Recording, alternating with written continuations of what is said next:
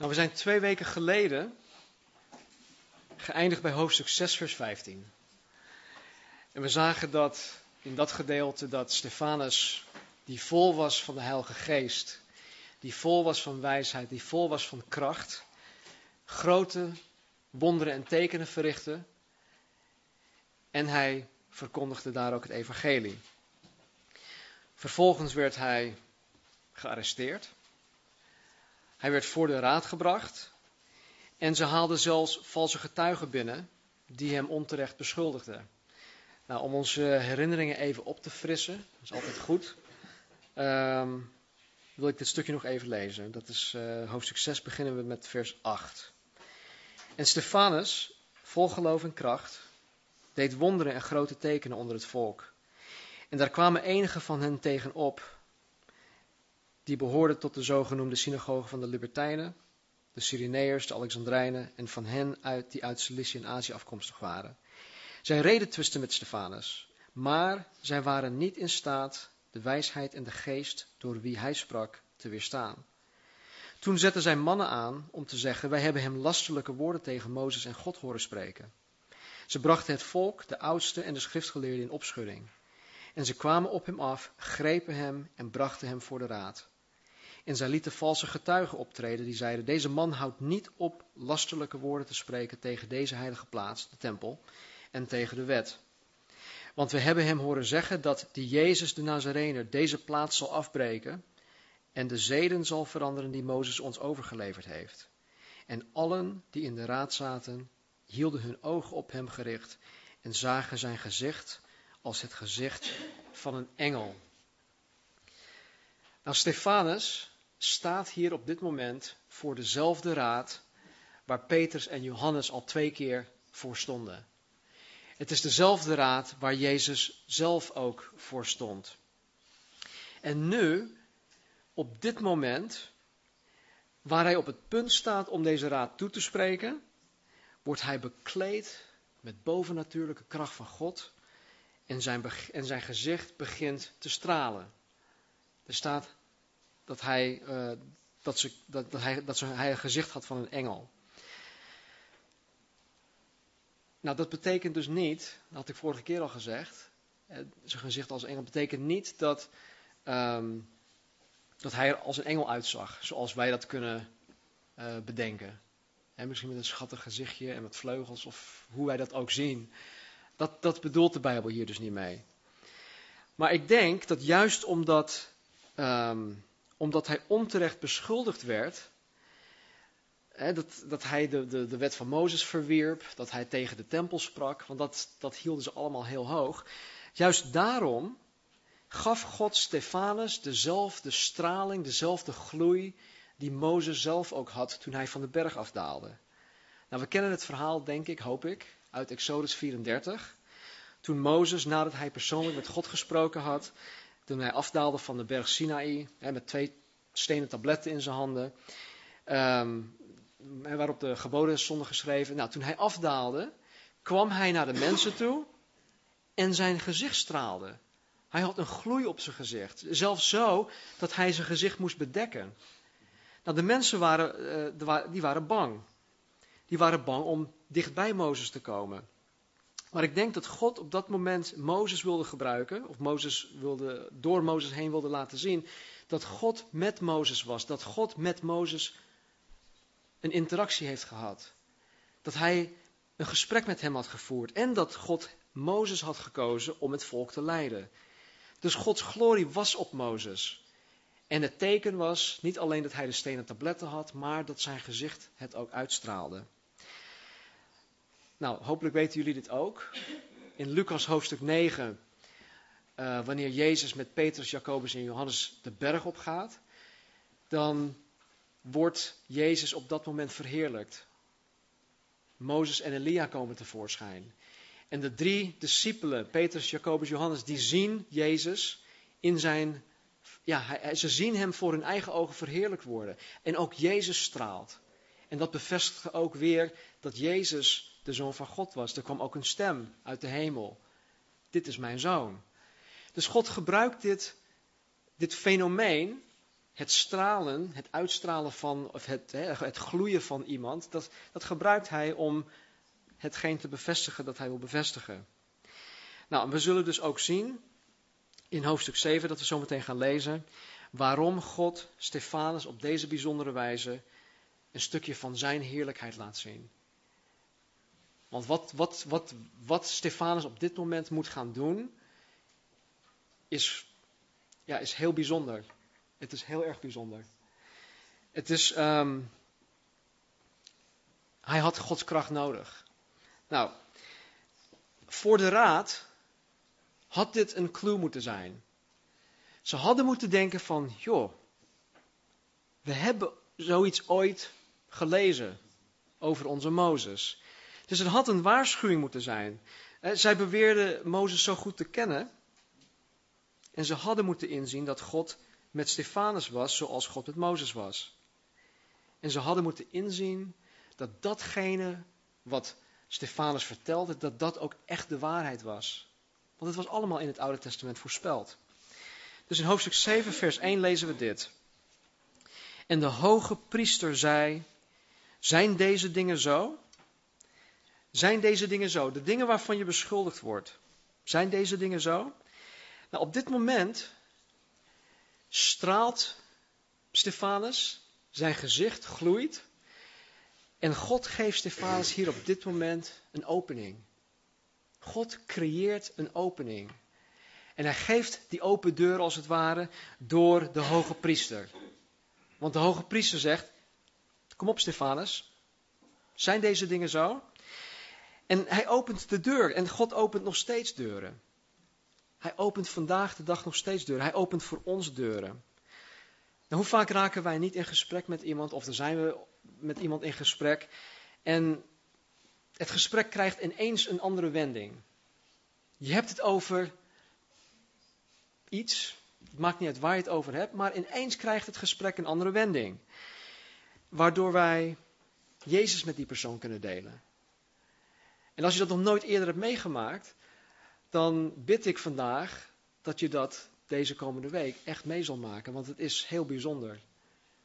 Dat je God aan het werk ziet. Door je gesprekken heen, door je leven heen. Nou, het is niet zo dat mensen naar je toe komen. Je bent in een gesprek, je hebt het over de autorij. En je hebt het over de laatste BMW M5. En ineens zegt hij: Hey Stel, ik ben hopeloos uh, verloren en ik heb een verlosser nodig. Nou, dat, zo, zo, zo werkt dat niet. Het is veel, veel subtieler dan dat. Dus als je dat verwacht, forget it. Het is heel subtiel. Maar je moet er oor naar hebben, je moet er oog voor hebben, je moet er gevoeligheid voor hebben. Vaak komt zo'n opening in de vorm van: joh, wat ga je dit weekend doen? Heb jij nog plannen dit weekend? Wat doen wij in het weekend? Wij gaan naar de kerk. Heb, heb dan niet over de kerk, maar heb dan over Jezus. Dus dat is een opening. Een opening die, wij, die God kan gebruiken om het over Jezus te hebben. Of het komt ook eh, in de vorm van, joh, wat een ellende in het Midden-Oosten. Nou, daar kan je allemaal op inhaken. Dus dit is belangrijk om zo'n open deur te herkennen. Het is nog belangrijker om gebruik te maken van zo'n open deur. Om te getuigen van Jezus. Nou, ik denk dat heel vaak zo'n open deur niet eens wordt herkend. En dat het ons voorbij gaat. En dat geeft niet, want we zijn op weg. Maar die open deuren moeten, niet blijven, moeten, ons niet blijven voorbij gaan. Nu worden wij erop geattendeerd. Jullie krijgen daar kennis over en die kennis brengt een bepaalde verantwoordelijkheid met, met zich mee. Dus die, die open deuren die tot nu toe ons voorbij zijn gegaan, oké, daar kunnen we niks meer aan doen. Maar straks of morgen of deze komende week komen er weer open deuren. En daarop moeten wij attent zijn. En ik denk dat we, dat we tot nu toe misschien, als we dat niet herkend hebben, dat het enerzijds te maken heeft met onze ongevoeligheid voor de stem en, van de, en de leiding van de Heilige Geest. We hebben nog niet genoeg ervaring met Gods stem, met, met de, de leiding van de Geest, om dat te herkennen. En dat is ook prima. We zijn op weg. Maar God wil ons wel zo ver krijgen, zo ver brengen dat wij wel gevoelig zijn voor zijn stem en zijn leiding. Het heeft anderzijds ook te maken met ons gebrek aan kennis van de Bijbel, het woord. Want oh jee, wat als iemand vragen gaat stellen? Stel dat, dat, we, dat een gesprek zo'n wending krijgt en we gaan het over Jezus hebben, maar dan stelt hij mij vragen die ik niet kan beantwoorden. Dus dat zijn allemaal dingen die ons tegenhoudt om zo'n opening misschien te herkennen of te willen herkennen. Maar ook daar wil God ons in helpen. Wij zijn op weg en God wil ons daarin leiden. Nou, hoe meer kennis wij hebben van Gods woord, hoe meer bekwaam wij zijn in het hanteren van Gods woord, hoe makkelijker het is om op gesprekken in te haken met Gods woord. En daar wil, daar wil God ons in trainen. Hij wil ons daarin oefenen. Hij wil ons daar scherp en alert voor maken. Ik heb jarenlang heb ik in de buitendienst gezeten. In, in, in sales. En de ene sales training na de ander. Dan word je getraind op van, joh, je moet dit en je moet dat leren herkennen. En boem, dan kan je daarop inhaken. En met, hè, ten einde iets te kunnen verkopen. Je dienst of je product. Nou, wij als christenen moeten daar ook in getraind worden. Niet zozeer om iets te verkopen, maar gewoon om, om, om, om dingen te, te herkennen waar we, waar we op in kunnen haken. Om Jezus met de mensen te delen. Dus de hoge priester zei: Zijn deze dingen zo? De dingen waarvan je beschuldigd wordt. Stefanus krijgt op dit moment de gelegenheid om zichzelf te verdedigen tegen deze valse beschuldigingen. Hij krijgt de gelegenheid om de raad uit te leggen dat hij het niet zo bedoeld heeft. dat hij, dat hij, ja, hij had het wel gezegd, maar ik, ik had, nee, dat bedoelde ik niet zo. Hij kreeg de gelegenheid om dat te doen. Hij werd beschuldigd van lasteren. Nou, lasteren is, is, heel, is heel simpel gedefinieerd. Liegend kwaadspreken over iets of iemand. Dus hij werd beschuldigd van het liegend kwaadspreken over Mozes. Hij werd beschuldigd van het liegend kwaadspreken over de tempel, over de wet van God, over God zelf. En daarvoor kreeg je toen de doodstraf. Als je liegend kwaadsprak over God, of over de tempel, of over de wet, of over Mozes, kreeg je de doodstraf. En vandaag, de dag, valt het onder vrijheid van meningsuiting. Maar wetende dat de doodstraf hem te wachten stond, verdedigde hij zichzelf niet. Hij deed het niet. Stefanus, die vol van de Heilige Geest is, maakt liever gebruik van deze gelegenheid om een zaak uiteen te zetten tegen deze aanklagers, tegen zijn aanklagers. Om hun de waarheid voor te houden. Hij wilde hun de waarheid voorhouden. En hij doet dat als volgt. In vers 2 lezen we dit. En hij zei, mannenbroeders en vaders, luister. De God der heerlijkheid verscheen aan onze vader Abraham toen hij nog in Mesopotamië was, voordat hij in Haran woonde. En hij zei tegen hem, ga uit uw land en uit uw familie en kom naar een land dat ik, God, u wijzen zal. Toen ging hij uit het land van de Galdeeën en ging in Haran wonen. En toen zijn vader gestorven was, bracht God hem daar vandaan over naar dit land waar u nu in woont, dus waar zij wonen, Jeruzalem. Maar God gaf hem daarin geen erfdeel, zelfs geen voetstap. En God beloofde hem, toen hij nog geen kind had, dat hij het land aan hem en na, en na hem aan zijn nageslacht in bezit zou geven. En zo sprak God uit dat zijn nageslacht bijwoner zou zijn in een vreemd land en dat men hen tot slaven zou maken en slecht zou behandelen voor zo'n 400 jaar. En het volk dat zij dienen zullen, zal ik, zegt God, oordelen. En daarna zullen zij uittrekken en mij dienen op deze plaats. En God gaf hem het verbond van de besnijdenis. En zo verwekte hij Isaac en besneed hem op de achtste dag. En Isaac verwekte en besneed Jacob en Jacob de twaalf aartsvaders. Nou, Stefanus begint zijn toespraak bij Gods roeping van Abraham in Genesis hoofdstuk 12. Als je dit wil lezen, Ga terug naar Genesis, hoofdstuk 12. Daar begint God, of daar begint de Bijbel met de roeping van Abraham. Als je als je daarin wil verdiepen, is, het is een heel boeiend verhaal, lees dat. En dit is ook het punt waar de Joden hun begin krijgen. Ik weet niet, of heb je, heb je jezelf ooit afgevraagd, joh, waar, waar, waar komen de Joden vandaan? Waar hebben ze hun begin gekregen? Israël. Nou, hier in, in, Genesis hoofdstuk 12, daar is het, begin, uh, daar is het begonnen. Dat is zo'n 4200 jaar geleden. Dat is heel lang geleden. Dus daar is het begin.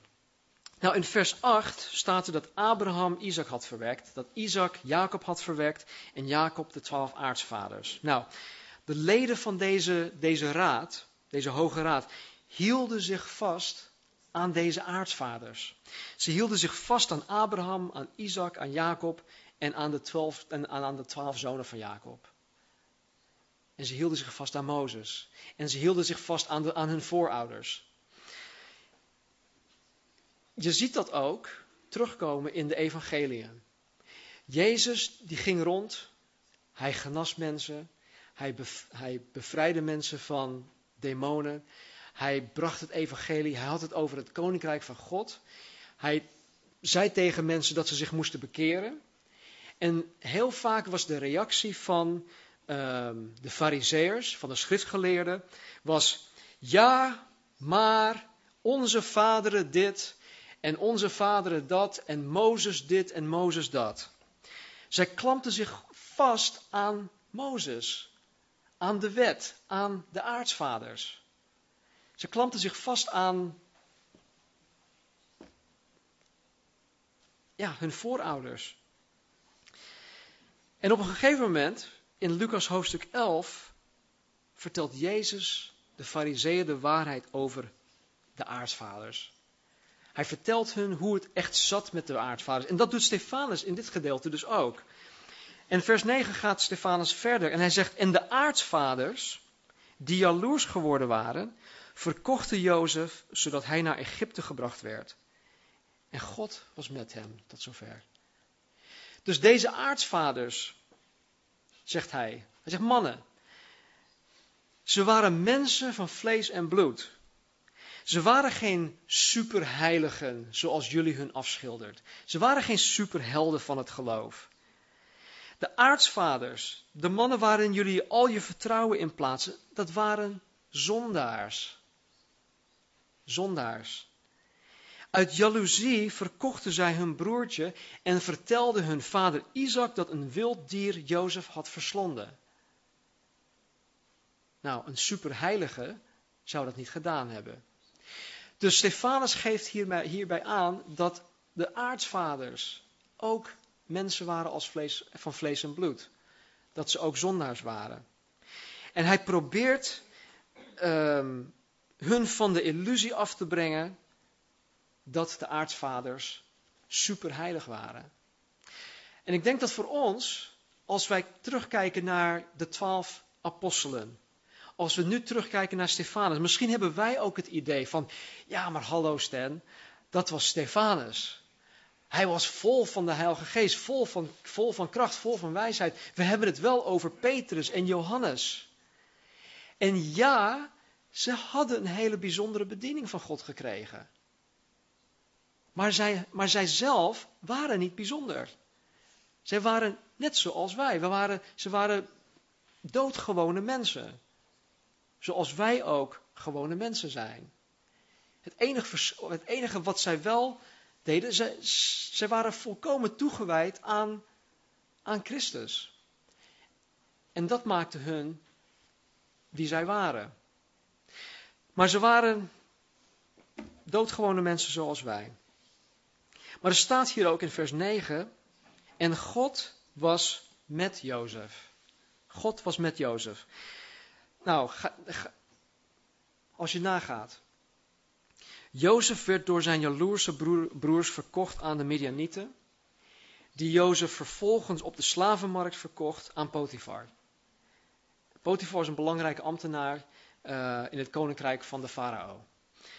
Nou, God was met Jozef en gaf Jozef groot succes in alles wat hij voor Potifar ondernam.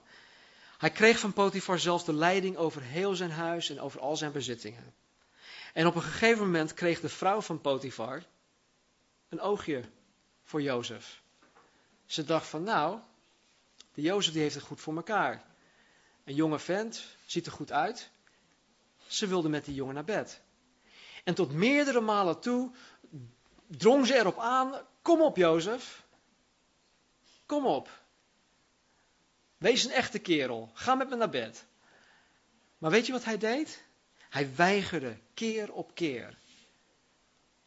En elke keer weigerde hij. En op een gegeven moment was het helemaal zat. Ze voelde zich diep gekwetst, diep verontwaardigd van, joh, ik ben een mooie vrouw, waarom, wat heb jij nou? Ben je soms niet geïnteresseerd? Nou, blijkbaar niet. Dus op dat moment beschuldigde zij hem van aanranding. Hij kwam weer binnen en ze pakte zijn, uh, zijn bovenkleed. Nou, uh, toen uh, droegen ze geen overhemden met knopen. Het was een, een, bovenkleed. Nou, ze greep dat bovenkleed, ze trok het van hem af. Hij was dus waarschijnlijk bijna naakt. En toen begon ze te brullen van, rape, rape, hij heeft me aangerand. Ja, en wat vervolgens wat daar gebeurde was dat Jozef in de gevangenis werd gestopt. Hij werd in de gevangenis gestopt, ondanks dat hij een rechtvaardige man was. Ondanks dat hij God wilde behagen en dat hij God diende. En er staat, God was met Jozef. Maar als je naar de omstandigheden kijkt, lijkt het er misschien niet op. Nou, uiteindelijk is Gods plan tot vervulling gebracht. En het is met Jozef uiteindelijk goed gekomen. Jozef zei zelf aan het eind, in Genesis 50, hij zei het tegen zijn broers. Hij zei, ik geloof dat God jullie slechte bedoelingen heeft omgebogen tot iets goeds. Want God heeft mij deze hoge positie gegeven, zodat ik de levens van vele mensen kon redden. Nou, als je dat verhaal wil, wil lezen, dan moet je ook zeker doen. Genesis vanaf hoofdstuk 36 tot het eind. Het zijn maar een stuk of dertien hoofdstukken. Mooi verhaal. Dat heb je, dat heb je binnen een half uurtje gelezen. Onze omstandigheden. Mijn omstandigheden geven niet weer. Dit is heel belangrijk. Onze omstandigheden geven niet weer of God met ons is. Dit is heel belangrijk. Onze omstandigheden geven niet weer of God met ons is. En soms, zoals bij Jozef, lijkt het wel alsof God ons geheel verlaten heeft. dat wij niet aan onze omstandigheden kunnen zien dat Hij met ons is. En toch, wanneer wij het totaalbeeld hebben, wanneer we het totaalbeeld te zien krijgen, en dat is meestal is dat achteraf, dan zien wij dat God de hele tijd met ons was en dat Hij ons in elke stap heeft geleid. En misschien zit je vandaag in een bepaalde situatie. Misschien bevind je jezelf in omstandigheden waarvan je denkt van, oh, God heeft me verlaten. Waar is God nu? God, ik dien u, ik hou van u, ik lees elke dag Bijbel, ik, ik ga naar de kerk. Heer, waar bent u? Heeft u mij verlaten? God is met ons. Hij heeft het ons beloofd. Het staat in de Bijbel, daar horen wij op te staan, niet op onze omstandigheden. God is met ons, hij was met Jozef. Vers 17, we gaan iets naar voren, of eh, vooruit. Vers 17.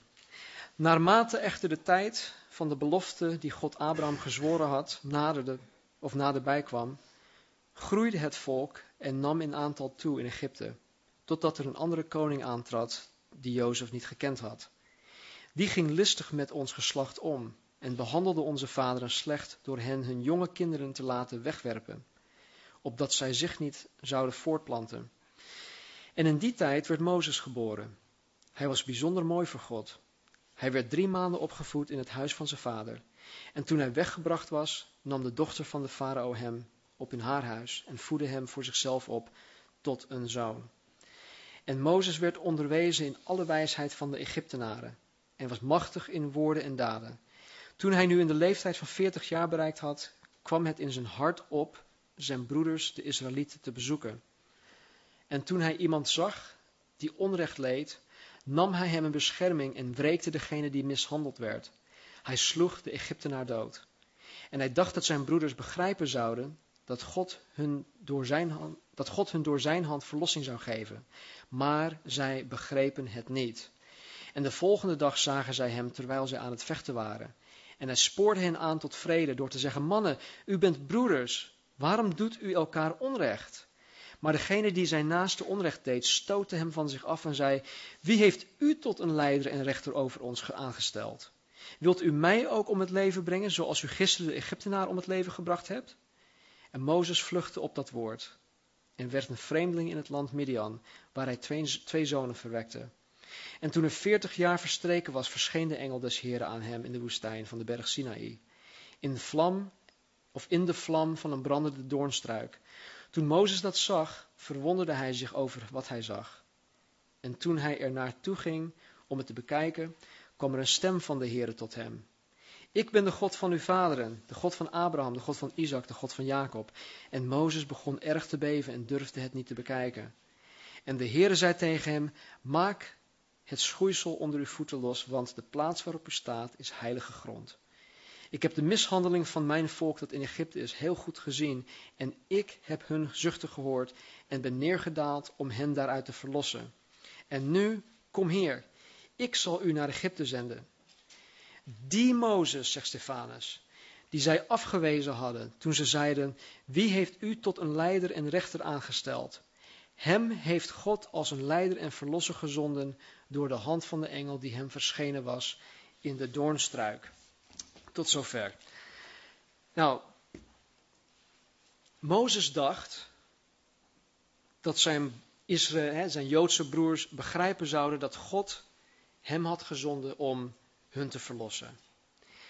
En in dit hele gedeelte geeft Stefanus aan dat niet alleen de, de aartsvaders, de twaalf zoons van, uh, van, van, van, uh, van Israël, van Jacob, dat, dat zij niet alleen slecht waren, maar ook zijn Joodse broeders.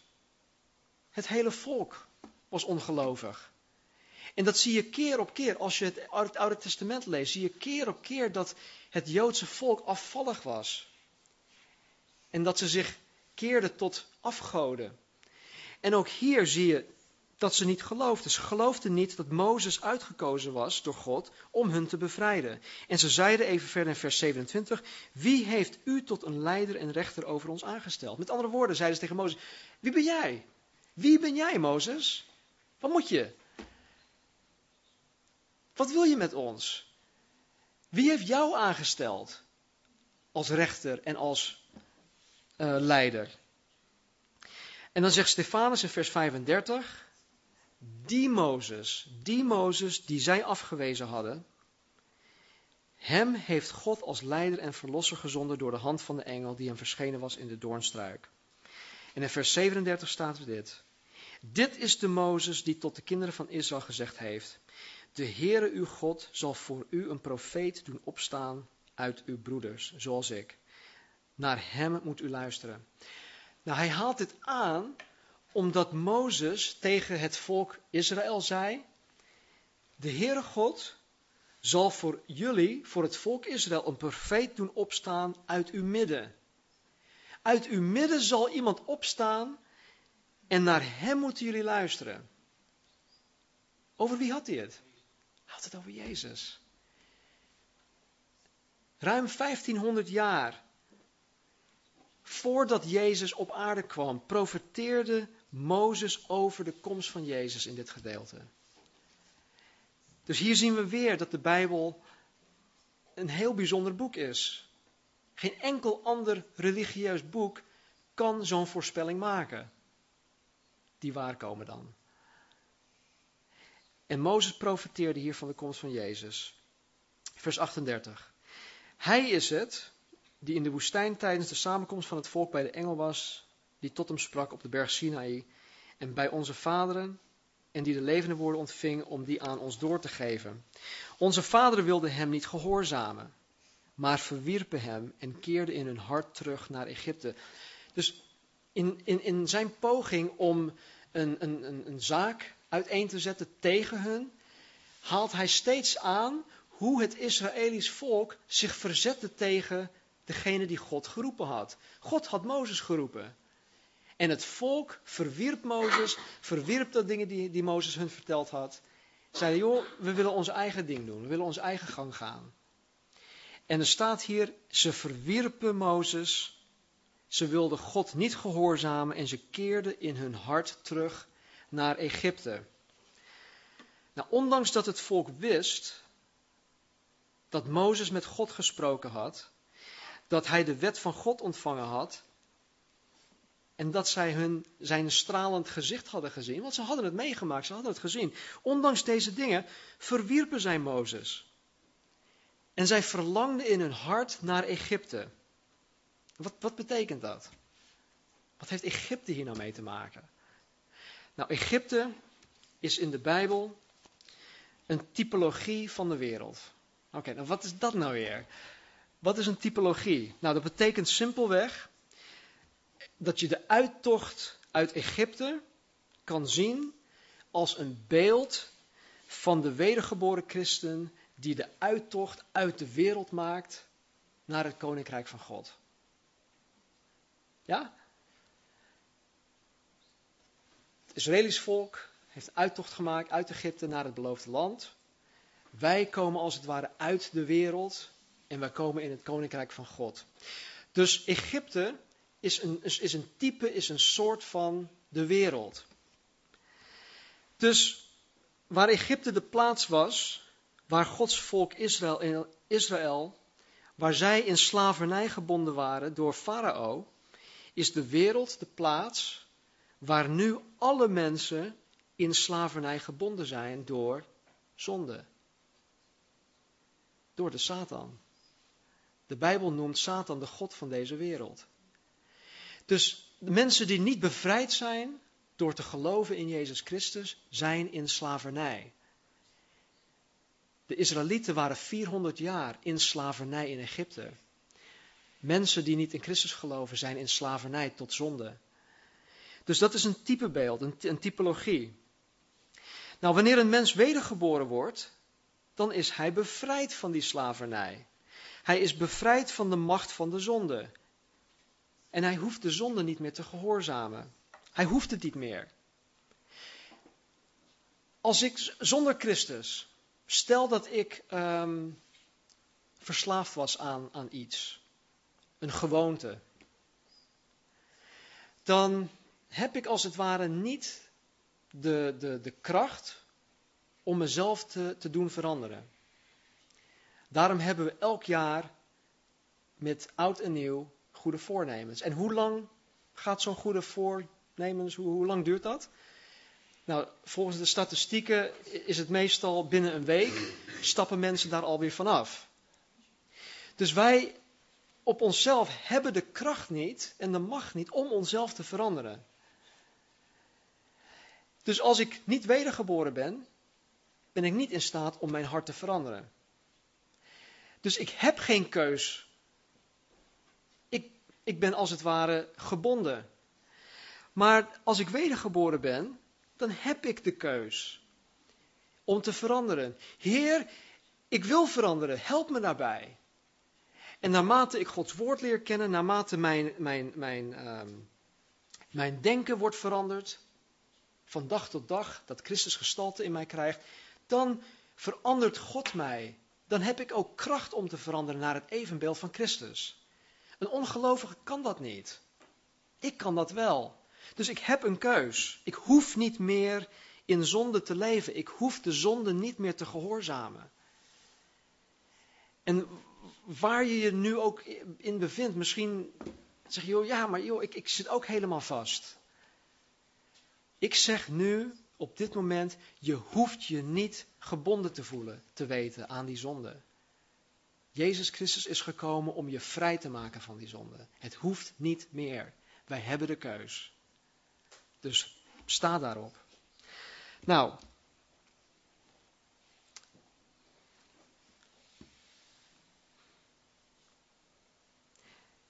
Het terugkeren in hun hart naar Egypte. Dat is gelijk aan het terugkeren in mijn hart naar wereldse dingen. Zij verlangden naar Egypte, terwijl ze daar in slavernij waren. Soms komen mensen tot geloof en dan verlangen ze weer naar de dingen van de wereld, terwijl ze in de wereld in slavernij waren gebonden. Dus het terugkeren in hun hart naar Egypte is gelijk aan het terugkeren in ons hart naar de wereldse dingen, naar zondige dingen. En ik denk dat het daarom voor ons zo belangrijk is om onder andere het heilig avondmaal te vieren. Waarom? Omdat wanneer we dat doen, houdt het het werk van Jezus Christus op ons netvlies. Het houdt het werk van Jezus Christus dicht aan ons hart. Wij denken eraan. En dat, dat doet iets. Het doet iets in je denken, het doet iets in je hart. Het heilige avondmaal herinnert ons onder andere aan het feit dat Jezus ons vrijgekocht heeft van deze slavernij. Van de slavernij aan de zonde. En dat wij niet meer verslaafd hoeven te zijn aan zonde. Dus in, in, deze 39 versen, en nou, ik, ik eindig hiermee binnenkort.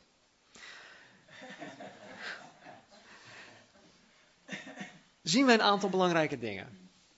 We zien een aantal, een aantal dingen. Ik, ja, ik, ik weet, ik stop, ik stop halverwege het hoofdstuk. Het is niet uh, gebruikelijk, maar ik doe het toch. We zien, we zien een paar dingen. We zien Stefan, we, we zien Stefanus, de eerste diaken, de eerste bediende in de gemeente. Hij was een tafelbediende met geen theologische opleiding. En we zien hem als een gepassioneerde getuige die voor de, uh, de Hoge Raad optrad. En hij deed dat omdat de Heilige Geest over hem kwam. Hij was vol van de Heilige Geest. En hij wist ongetwijfeld dat hem mogelijk de doodstraf te wachten stond. Maar hij verspilde geen enkel moment om zichzelf te verdedigen tegen de valse beschuldigingen. Hoe vaak ben ik geneigd, al heb ik gelijk, om mezelf te gaan verdedigen? Laat staan als iemand mij onterecht beschuldigt. En hij deed dat niet. Hij deed het niet. We zien dat Stefanus zeer goed onderlegd was in het woord van God. Hij vertelde uit zijn hoofd een beknopte geschiedenis van Israël. Hij citeerde zelfs Bijbelteksten uit zijn hoofd. We zien dat God Stefanus een open deur gaf om te getuigen. En we weten, en ik weet, dat wanneer God een deur opent, dan zal Hij ons niet aan ons lot overlaten. Hij zal ons de woorden geven, Hij zal ons een luisterend oor geven, Hij zal ons wijsheid geven, enzovoort, enzovoort. Als jullie deze week, en dat is ook echt mijn gebed, dat jullie deze week een open deur zullen krijgen. Wees absoluut niet bang om je mond te openen. Om iets te vertellen. Want op het moment dat je dat doet, geeft God je de kracht, Hij geeft je de wijsheid, Hij geeft je de woorden om, om getuige te zijn. Wees daar niet bang voor. En weet je, als je dat doet, en als je dan de overwinning krijgt, en als je zegt van wauw, dat is kicken man, dan er is, er is niets beters, echt waar, er is niets beters op deze wereld dan, dan, dan zo'n ervaring.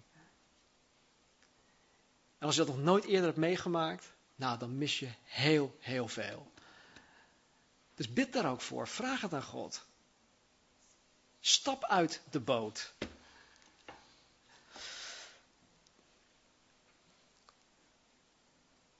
Wij zien dat God hier aan het werk was in het leven van Stefanus. Nou, misschien denk je, nou Stan, dat is allemaal fijn voor Stefanus. Leuk voor hem. Maar ik zie God echt niet op deze manier in mijn leven werken. Waar heb je het over? Wat bedoel je dat, hij God, dat God nog steeds op dezezelfde manier te werk gaat? Ik ben geen gepassioneerde getuige. Ik ben niet vol van de Heilige Geest en, de wij, en wijsheid en kracht. Ik ben nog altijd bezig om mezelf te verdedigen. Terecht of onterecht. Ik ken de Bijbel niet zoals Stefanus. Laat staan dat ik Bijbelteksten uit mijn hoofd kan, op, kan, kan zeggen. Ik krijg geen open deuren om Jezus met anderen te delen. Laat staan de woorden om met mensen te delen of een luisterend oor of wijsheid. Ik zie deze dingen niet. Nou, als je vanmorgen een van deze dingen, of misschien meer van deze dingen die ik net heb opgenoemd, als je in, in een van deze dingen uh, herkent, als je zegt van joh, daar herken ik me wel in, dan heb ik goed nieuws. Heel goed nieuws. Want ook wij, ook jij, kan een Stefanus zijn in jouw wereld. Dat kan. Stefanus was een getuige. En het woord getuige komt van het Grieks woord martus, waar wij het Nederlands woord martelaar, martelaar van krijgen. Nou, een martelaar is iemand die voor zijn overtuigingen ter dood is gebracht.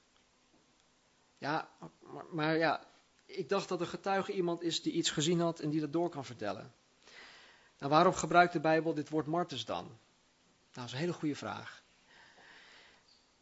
De Bijbel gebruikt martus omdat Jezus zei dat de echte christen zichzelf moet verloochenen, zijn kruis dagelijks opneemt, dus dagelijks aan zichzelf sterft en Jezus volgt. Dat is de ware discipelschap. Dat is christen zijn. Jezelf verloochenen, dagelijks je kruis opnemen en Jezus Christus volgen. Met andere woorden, wanneer de Bijbel Stefanus een martus noemt, een getuige, een martelaar, is Stefanus als het ware al dood. Hij is al dood.